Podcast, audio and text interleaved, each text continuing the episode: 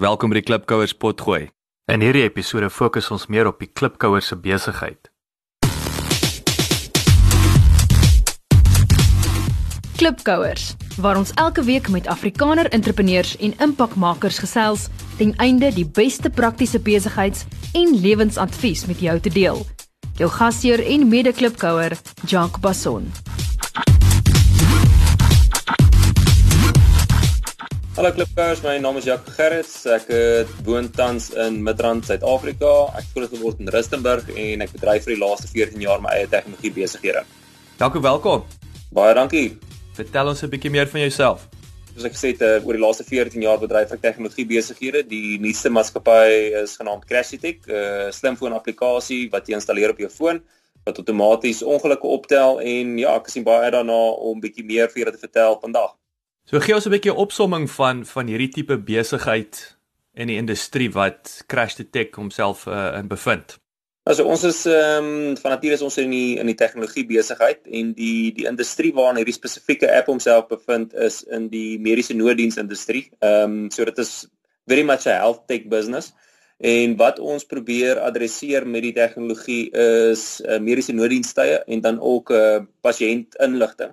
So ons het gevind dat mediese nooddienste is krities in terme van lewensred en over and above that is dit ook baie belangrik om seker te maak dat die paramedici die regte inligting het. Ehm um, sodra hulle die pasiënt ehm um, obviously treatment moet gee. En die applikasie wat ons ontwikkel het adresseer daai twee pynpunte. So vertel die klipkous 'n bietjie meer. Ek wil dis fascinerend. So jy het nou genoem daai reaksietyd is so krities. Nou gemiddeld hoeveel mense gaan elke jaar dood as gevolg van die ambulans of die paramedic wat nou nie vinnig genoeg opdaag nie. Ja, ek dink so net um, om dit in konteks is dis dit um, hulle het actually gesê dat ehm um, padsterftes en padongelukke is 'n globale health problem.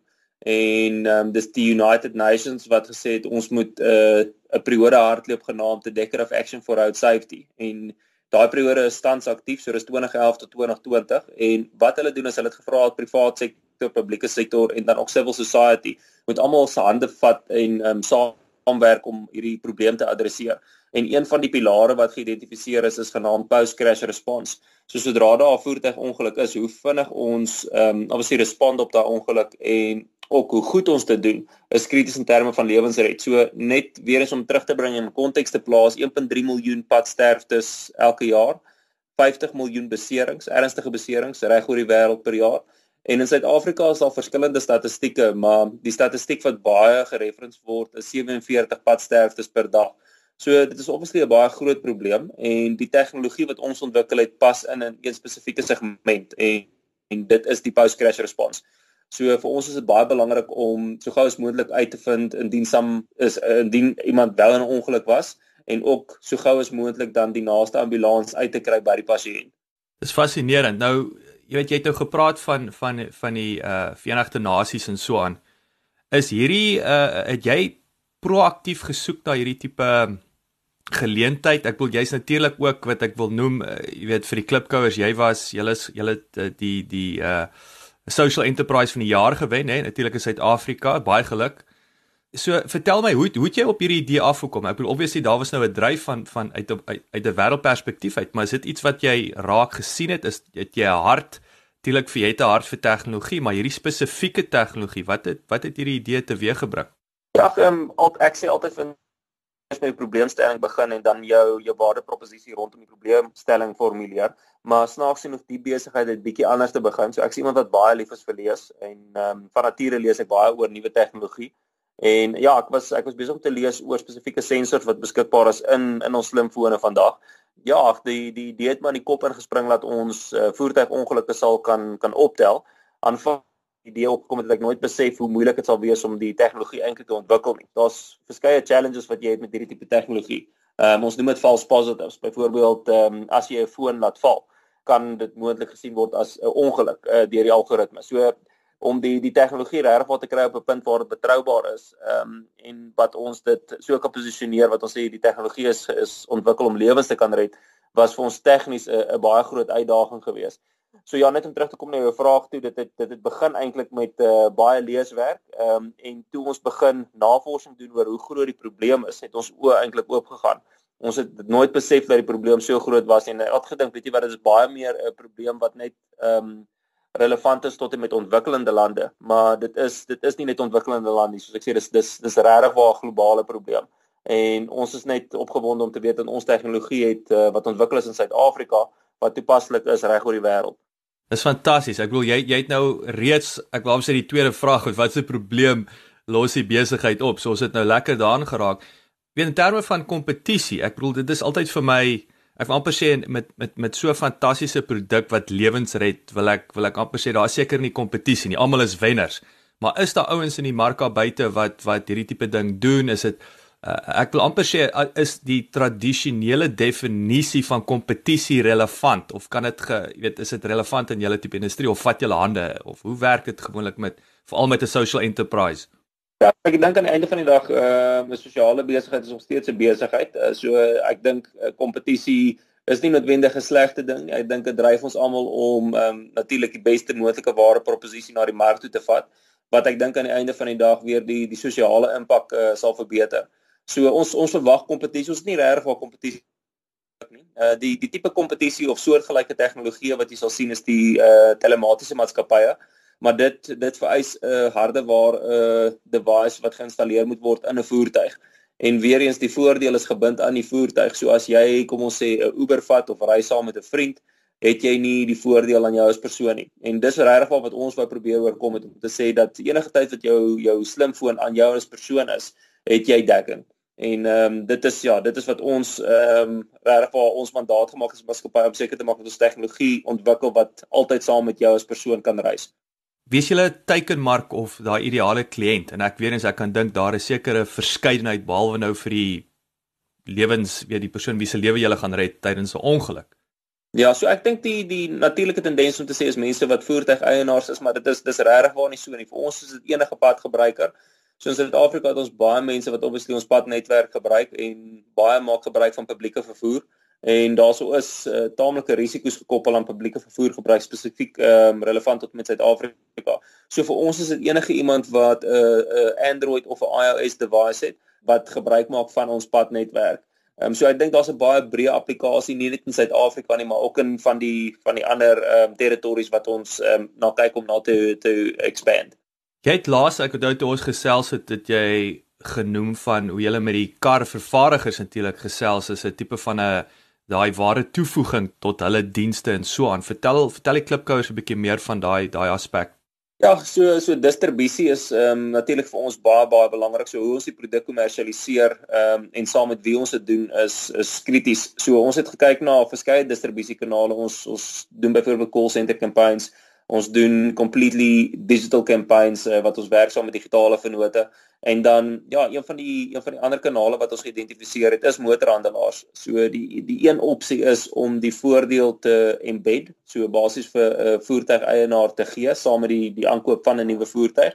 So dis een opsie of al die alternatief is om te werk saam met motorhandelaars en dan te sê weet wat as jy finansiering of aansoek doen vir finansiering kan ons hierdie voordeel inbondel in die finansiering in en dit vir jou bied vir kom ons sê 'n 2 of 'n 3 jaar termyn wat dan ons voordeel baie baie bekostigbaar maak. So vertel, weet ons dit sluit weer is so lekker aan by die in terme van hoe werf julle nuwe kliënte. So dit is een van julle kanale wat julle uh uh, uh kliënte werf en dan natuurlik weet wat kos dit? So gee gee gee die klipkous bietjie daai wat is die offering? So in ander woorde, jy weet natuurlik daar's die Crash Tech self, maar ek weet julle het 'n klomp uh, produkte wat julle in bondel. Dis dis korrek. Ja, ons het eintlik ons het vier subskripsiemodelle. Die eerste ene is uh, heeltemal verniet, maar ons ehm um, het 'n limiet van 30 trips per maand. So die applikasie sal actually vir jou sê op op trip nommer 25, weet jy daar's net 5 wat oorbly, dan 4 3 2 1 en dan uh 0 trips wat oorbly en dan gee dit obviously vir die gebruiker die die geleentheid om op te gradeer uh wat dan 'n unlimited trip sal gee. En dan op die op die premium versions het ons 'n klassieke uh, subskripsie uh wat crash hulle bevat. Ons het ook 'n uh, mediese noodknoppie. So as jy die mediese noodknoppie druk verbind ons jou met 'n mediese agent. So hulle kan vir jou um pre-arrival instructions gee uh byvoorbeeld CPR tot en met die ambulans opdaag. Dan het ons ook 'n medical ID so die medical ID sê ons um of kan jy gebruik om in jou regter agterste venster te plaas sou die paramedici opdaag en jy het nie jou jou foon by jou gehad nie. Ehm um, so kom ons sê jy ry sonder jou foon, kan hulle nog steeds toegang tot jou persoonlike en mediese inligting kry. En dan die laaste voordeel op Classic is wat ons nou Medical Emergency Assist en dis effektief die grootste nasionale netwerk van mediese nooddienspersoneel. So op enige gegee oomblik in Suid-Afrika het ons toegang tot 5000 para paramedici om obviously te respond op jou call. So dis vir ons baie belangrik om uh, 'n netwerk op te bou van verskillende privaat mediese nooddiensmaatskappye om seker te maak dat ons die grootste netwerk het en sodoende die gouste moontlik by jou kan uitkom. Dan op die die ander pakkette wat ons offer, ehm um, premium. So op die premium pakket wat ons by offer is route cover. So ons sal jou pad ongeluksfonds ehm um, eis namens jou fasiliteer. So ons doen al die wetlike en administratiewe werk. En dan wat ons noem Family Protect, so jy kan die voordeel ehm um, installeer op 5 fone in totaal. So dit bied basies dekking vir jou familie. En dan die laaste ene is wat ons noem die lead, so is al die voordele wat ek voorheen genoem het en dan twee addisionelles uh, genaamd route secure. So as jy enigins ehm um, langs die pad opeindig en jy voel onveilig, druk die knoppie en ons sal vir jou gewapende wag stuur in Suid-Afrika uh, binne 40 minute en die laaste een 'n lawyer SOS. So ons sou enigins 'n prokureur benodig stuur ons vir jou kriminele prokureur in persoon om jou ehm um, saak te behartig en ons sal ook uh, apply vir bail. So aan die einde van die dag op die elite pakket wat ons gedoen het, ons het 8 unieke voordele ingebondel teen 'n pryspunt van 109 'n maand en ook baie belangrik jy kan dit op vyf fone plaas van van familielede. So ons ons voel dat ons baie kompeterend is rondom die pryspunt en ehm um, die voordele is baie sterk as jy as jy kyk vir wat ons dit offer. Ja, so dit dit werk amper so net so onder die R22 per maand per foon vir hierdie ongelooflike dit is ongelooflike ongelooflike waarde. Jy het my nou aan iets laat dink. Ehm um, ek onthou toe ehm um, ek het my koöperatiewe loopbaan met met Coca-Cola begin en en daai jare die ons ons top strategie of die die die globale strategie was was gefokus in in in die hart daarvan hulle het dit genoem pervasive penetration so die hele idee was om Coca-Cola natuurlik elke moontlike winkel te kry maar within arms reach dit was die kern within arms reach en ek het net gedink toe jy sê jy weet jy het toegang tot die duisende paramedici om my netwerk so te groei so dit klink vir my as jy 'n ongeluk is jy gaan julle ouens maak seker dat daai ou is within arms reach van 'n van 'n ambulans of 'n paramedici. So dit is ongelooflik. Absoluut ja, ek dink dit is dit was altyd belangrik om seker te maak ons het 'n baie breë netwerk in Suid-Afrika. So ons kan nie net met een mediese nooddiensverskaffer werk nie. En die groot groot rede is net uh, rondom die spesifieke pynpunt wat ons probeer adresseer. En dit is daai reaksietyd om dit so ver as moontlik af te dryf. My span sê vir my ons het baie resensies op iTunes nodig sodat jy die Klipkouer program maklik in die hande kan kry. Kan julle ons asseblief uithelp en inteken op iTunes en vir ons 'n resensie los? Ons sal dit kwai waardeer. Dankie.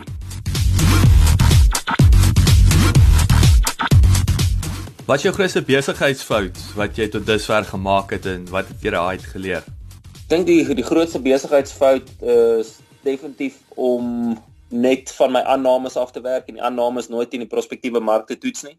So ek sê altyd en ek lag baie daaroor dat jy gewoonlik jou idees deel met die mense wat naaste aan jou is. So jou ma dink dit is 'n great idee en jou sussie dink dit is 'n great idee en jou girlfriend dink jy is die beste. Maar aan die einde van die dag is dit nie die gebruikers van jou produk nie. So ek dink wat baie belangrik is en en ehm um, die die verandering in strategie uh, spesifiek uh, rondom wat ons doen heidaglik is om altyd die aannames teen die mark te gaan toets. En uh, ons sê ook altyd, weet jy wat, ehm um, fail early en leer daai lesse en maak seker dat jy vinnig pivot en die die waardeproposisie aanpas. Ehm um, wat 'n good market fit sal wees. So ja, ek dink uh, ter opsomming is dit definitief om net teen aannames voor te gaan en produkontwikkeling te doen. So ek het 'n paar paar harde lesse geleer in die verlede. Sê gou vir my, ek wil jou goue vraag vra. Jy weet jy ek wil weer eens sulke waardevolle advies, Jaco jy definieer daai fail early vir die klipkouers. Ek dink dit is 'n ding wat ouens verstaan dit soms. Almal sê ons moet vinnig vinnig foute maak, vinnig uitleer. Wat beteken dit om daai daai fail early? Hoe sal jy dit definieer? Ja, wel ek ek dink dis ook belangrik om um, dit reg te definieer. Um, om te sê jy moet net gaan fail. Ehm um, ek dink is nie die regte strategie nie. Ek dink jy moet met spesifieke intent gaan fail. Ehm um, en dit is met die met die doel wat om lesse uit die failure uit te leer. So aan die einde van die dag um, en dis 'n aanhaling wat baie gebruik word dink ek in entrepreneurskap sirkels is ehm um, failure is feedback. So jy moet daai terugvoer uh, internaliseer en jy moet verstaan wat daai terugvoer vir jou beteken. En weet jy wat as jy as jy nou wel gefaal het of kom ons sê jy het nou wel terugvoer gekry, hoe gebruik jy dit tot jou voordeel? En ek dink dit is regtig wel krities. Ek dink een van die groot voordele vir ons as entrepreneurs, veral met kleiner besighede, ons kan baie baie vinnig um, besluite neem en ons is uh, baie dinamies. Uh so die die terugvoer wat ons wel kry kan ons altyd tot ons voordeel gebruik. Maar dit is baie belangrik om dit wel tot jou voordeel te gebruik en nie net terug te sit en sê o, ek het gefaal nie, so kom ons faal maar net weer nie. Ehm um, sien dit as terugvoer en gebruik dit tot jou voordeel. Ja, is baie waardevol. Dit laat my ook dink, jy weet, daai is ook vir my weet en ons weet om om soos jy sê uit uit die uit uit die foute wat ons maak, dis waar ons leer. Wel, hopelik leer die ouens in hulle in hulle hulle in hulle toets. Maar dit dit voel ook vir my dit moet amper 'n jy weet ek wil amper sê dit is fail early klink vir my soos die glas is half leeg. Dit is net vir my negatiewe term. Ek dink ons moet dit herdoop, learn faster. Ek dink daar's 'n leer vinniger, nê, nee, as wat jy want dis al dis tog die einddoel. Die einddoel is om om so vinnig as moontlik te leer en te besef wat nie werk nie om dit ten einde dit te te verbeter. Ja, en ek dink baie keer weet jy wat ehm um, dit is dit is nooit lekker om te fail nie. So ek ek dink tot 'n groot mate mense raak partykeer te opgewonde daaroor, maar ek dink dit is 'n baie nodige element in in entrepreneurskap. Ehm um, en jy moet dit vat vir wat dit is. So vir ons is dit dis dis dis kern tot die besigheid. So ons gaan mark toe en ons probeer altyd die envelope uh, so ver as moontlik uh, push om te sê weet jy wat hier is iets nuuts wat ons probeer en wat wat sê ons prospektiewe mark vir ons rondom ons nuwe idees. En uh, weet jy wat as dit nie if it's not well received dan is dit obviously nie 'n goeie idee nie. So ek ek dink dit is dit gaan alles oor die tipe mindset wat jy adopt um, om te weet dat weet jy wat daarso gaan mislukkings wees en en hoe jy hoe jy daai mislukkings tot jou voordeel gebruik is regtig wat jou kan diferensieer as 'n entrepreneur.